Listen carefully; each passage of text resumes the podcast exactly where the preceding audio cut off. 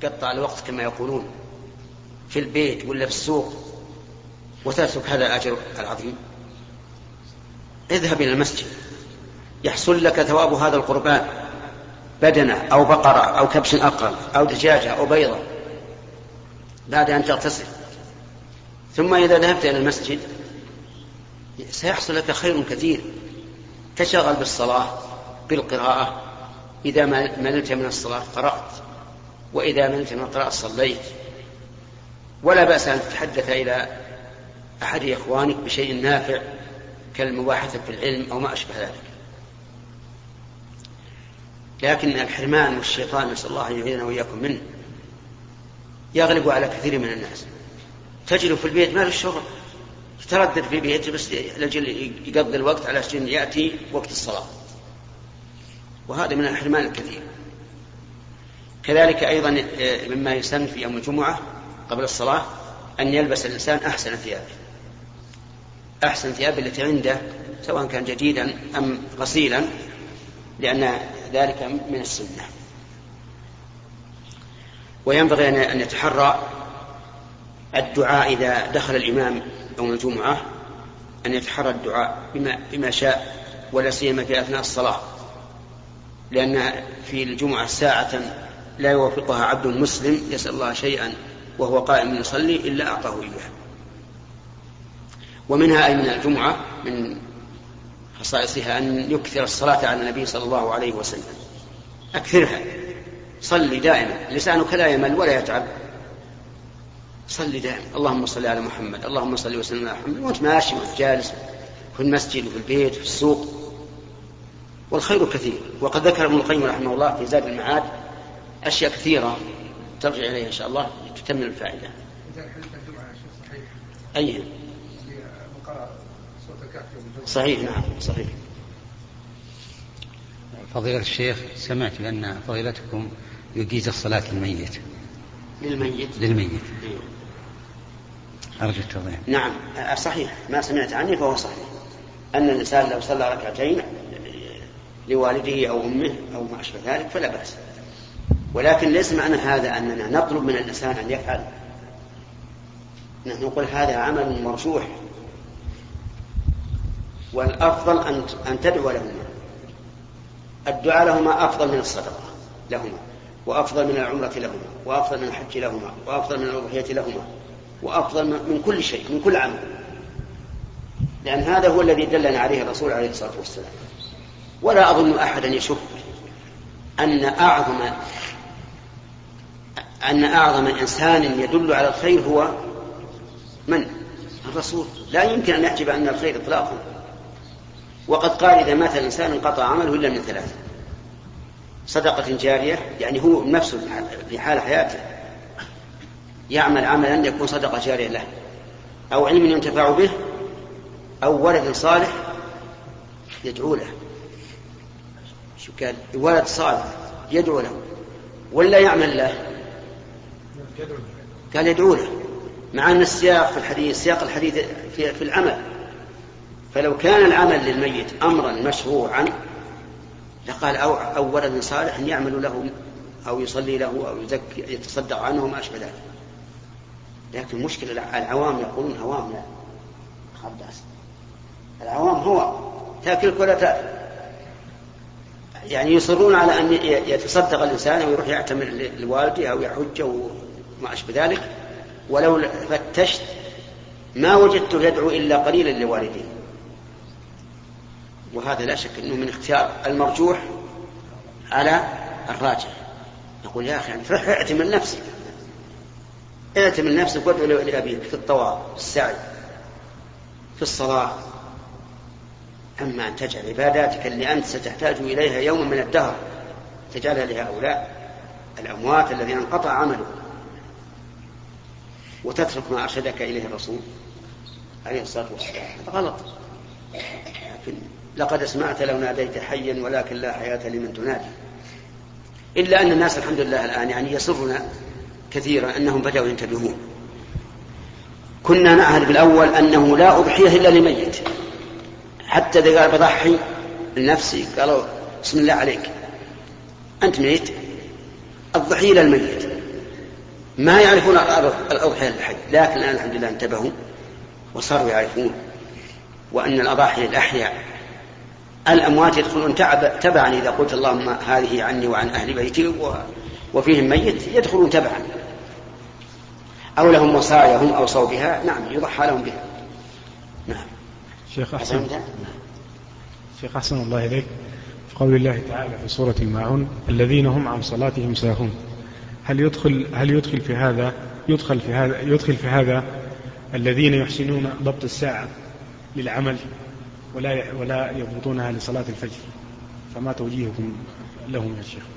معلوم نعم. الذين هم عن صلاة الساعة سبق لنا أن أنهم يفرطون في واجباتهم سواء الفجر ولا العصر كما يغلب على بعض الناس نسأل الله العافية في صلاة الفجر لا يقومون إلا إذا جاء وقت العمل في صلاة العصر حيث أنهم يأتون يتغدون ويحتاجون للنوم لا يصلون إلا عند غروب الشمس. هؤلاء ممن ذكر الله الذين هم عن صلاتهم ساهون. سواء ضبطوا الساعة للعمل أو ما ضبطوها. المهم أنهم يضيعون الصلاة.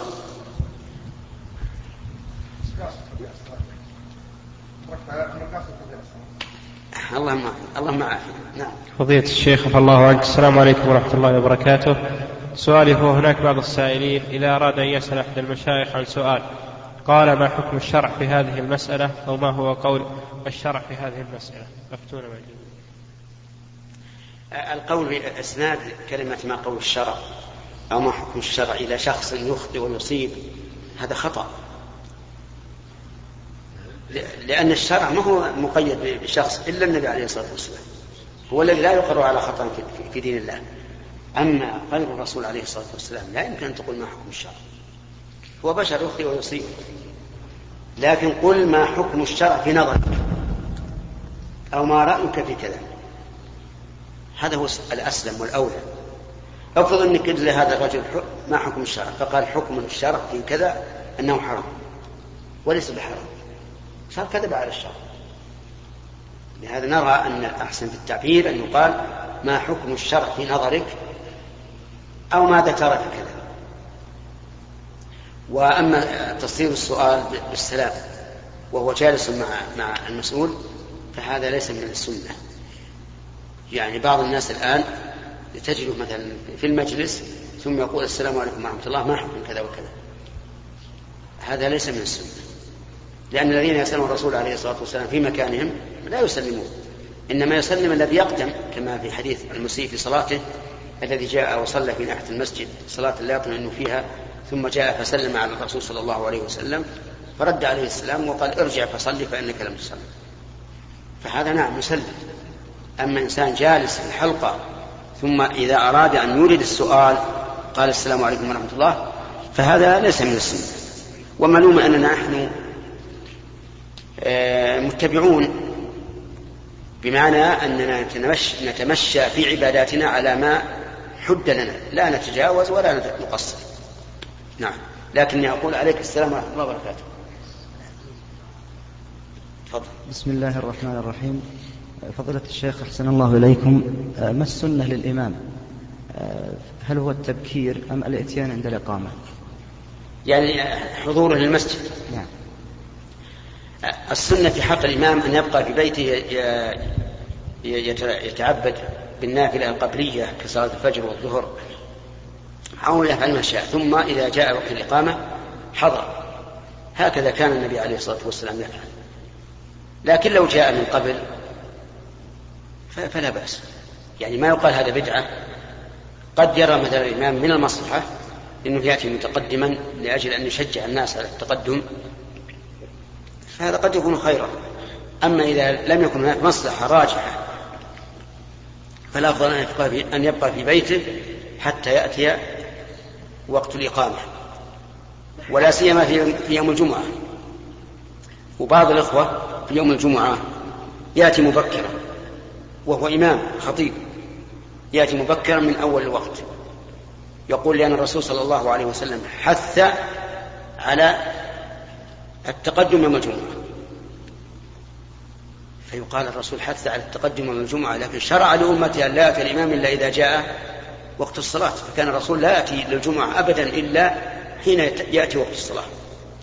فلا يسن تقدم الإمام يوم الجمعة بل يبقى في بيته إلى أن حين وقت الصلاة ويكون مثابا على بقائه في بيته كما يثاب المتقدم من المأمومين.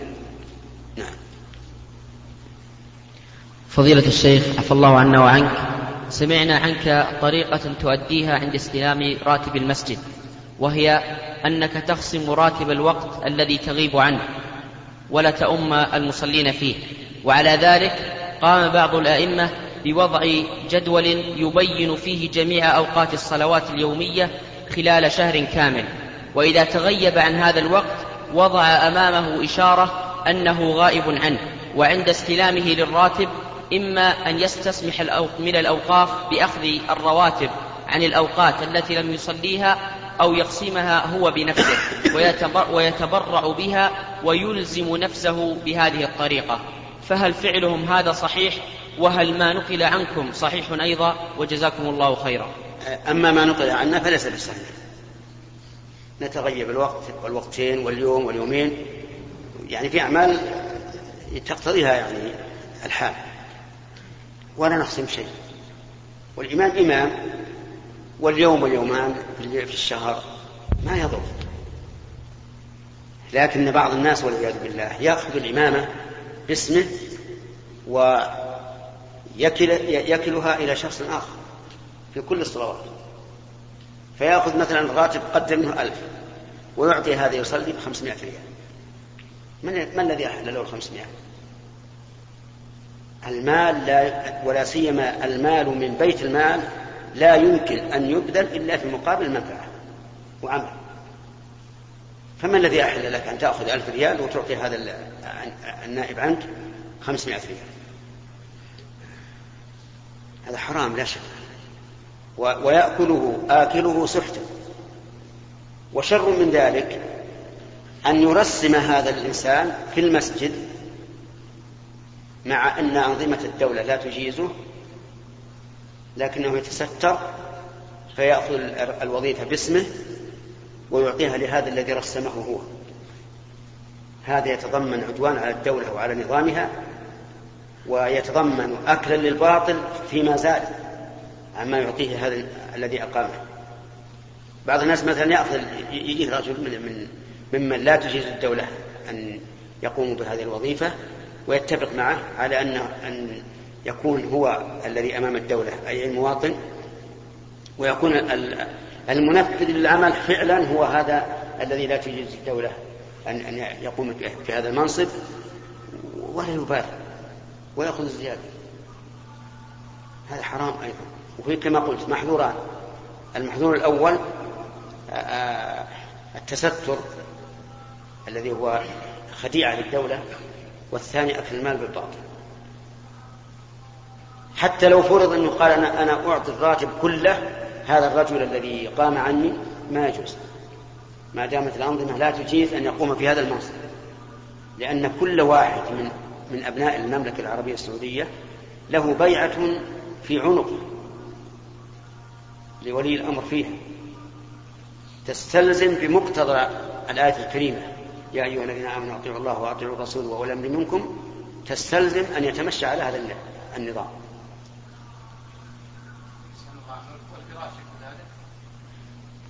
الفراشة والله قال قالوا لنا إن أن المقصود الجهة المسؤولة أن أن ينظف المسجد. يعني كما يقول العامة ما لهم إلا ولد يقرأ. والفراشة ما يختلف فيها القصد. يعني المقصود أن المسجد ينظف ويصان وربما يكون صيانة الأجنبي للمسجد فراشته له أحسن من الوطني. الوطني كسول ملول. لكن الأجانب في الغالب أنهم أنفع وأنا قد سألت بعض المسؤولين عن هذه المسألة وقالوا إحنا ما لنا إلا إلا مسجد. يصلح لكن من الورع إن أن الإنسان لا يأخذ شيئا. زائدا عما عما قام به هذا الشخص أو يعطيه إياه. نعم. أما الذي فعلها لنفسه هذا شيء ما, ما نقدر نقول شيء لأن ربما أنه يحب الورع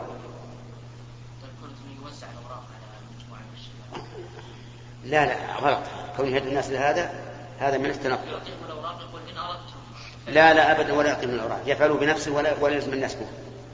والناس إذا اعطوا هذه الأوراق على جهة ورع وعبادة ربما يأخذون بها. وهذا من التنطع. وقد قال النبي عليه الصلاة والسلام هلك المتنطعون. لكن الورع يختلف الناس. فيه قد يتورع الإنسان ويجد في نفسه حرجا من شيء وغيره لا يرى هذا. ويذكر ان الإمام أحمد رحمه الله آه، أنه جاءه سائل يسأل امرأة أو رجل وأظنها امرأة فقالت له يا أبا عبد الله إن السلطان يمر ونحن نغزل على على ضوء القمر تعرفون الغزل؟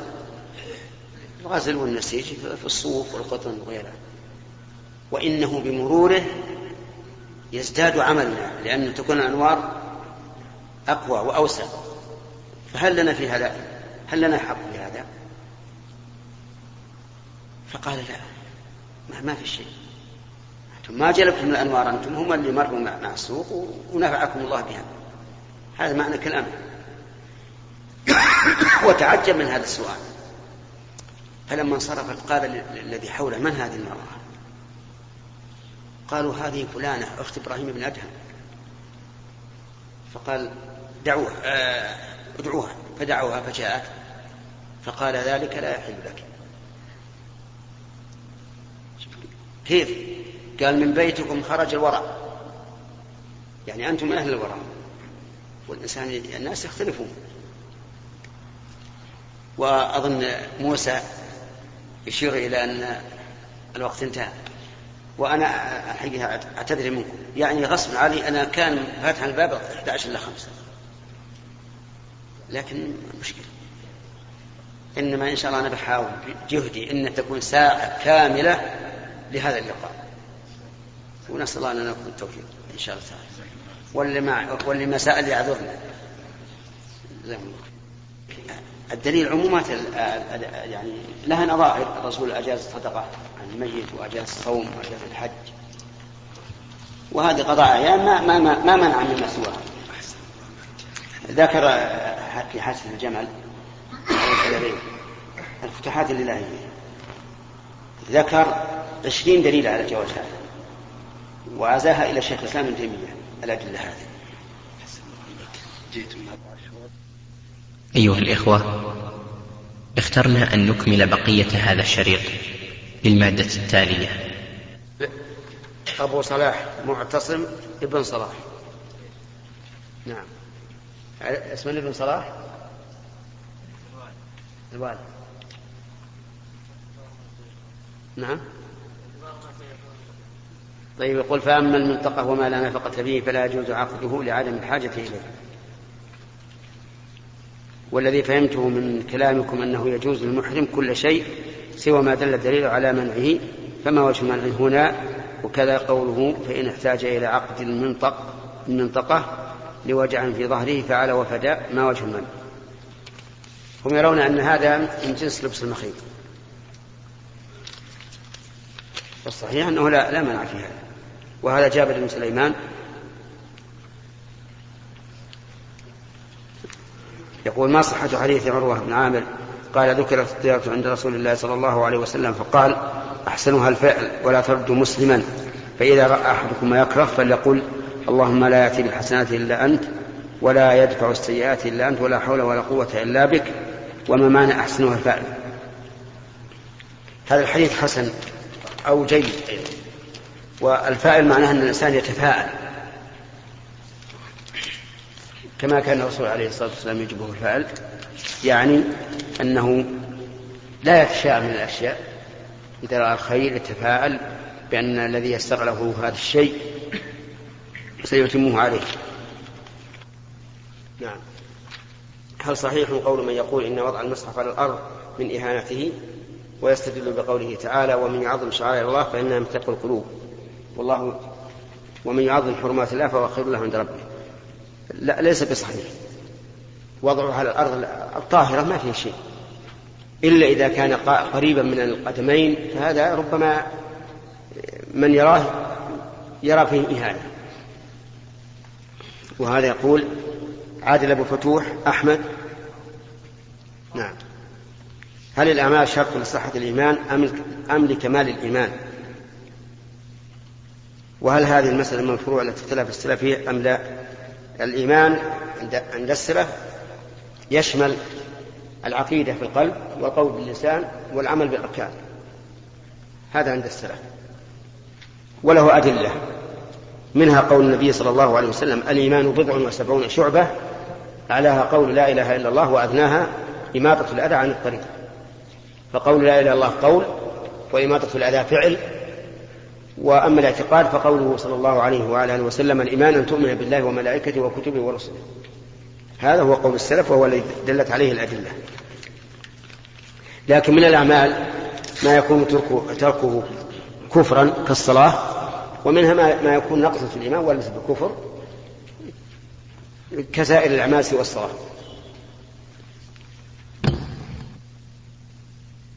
أيها الإخوة في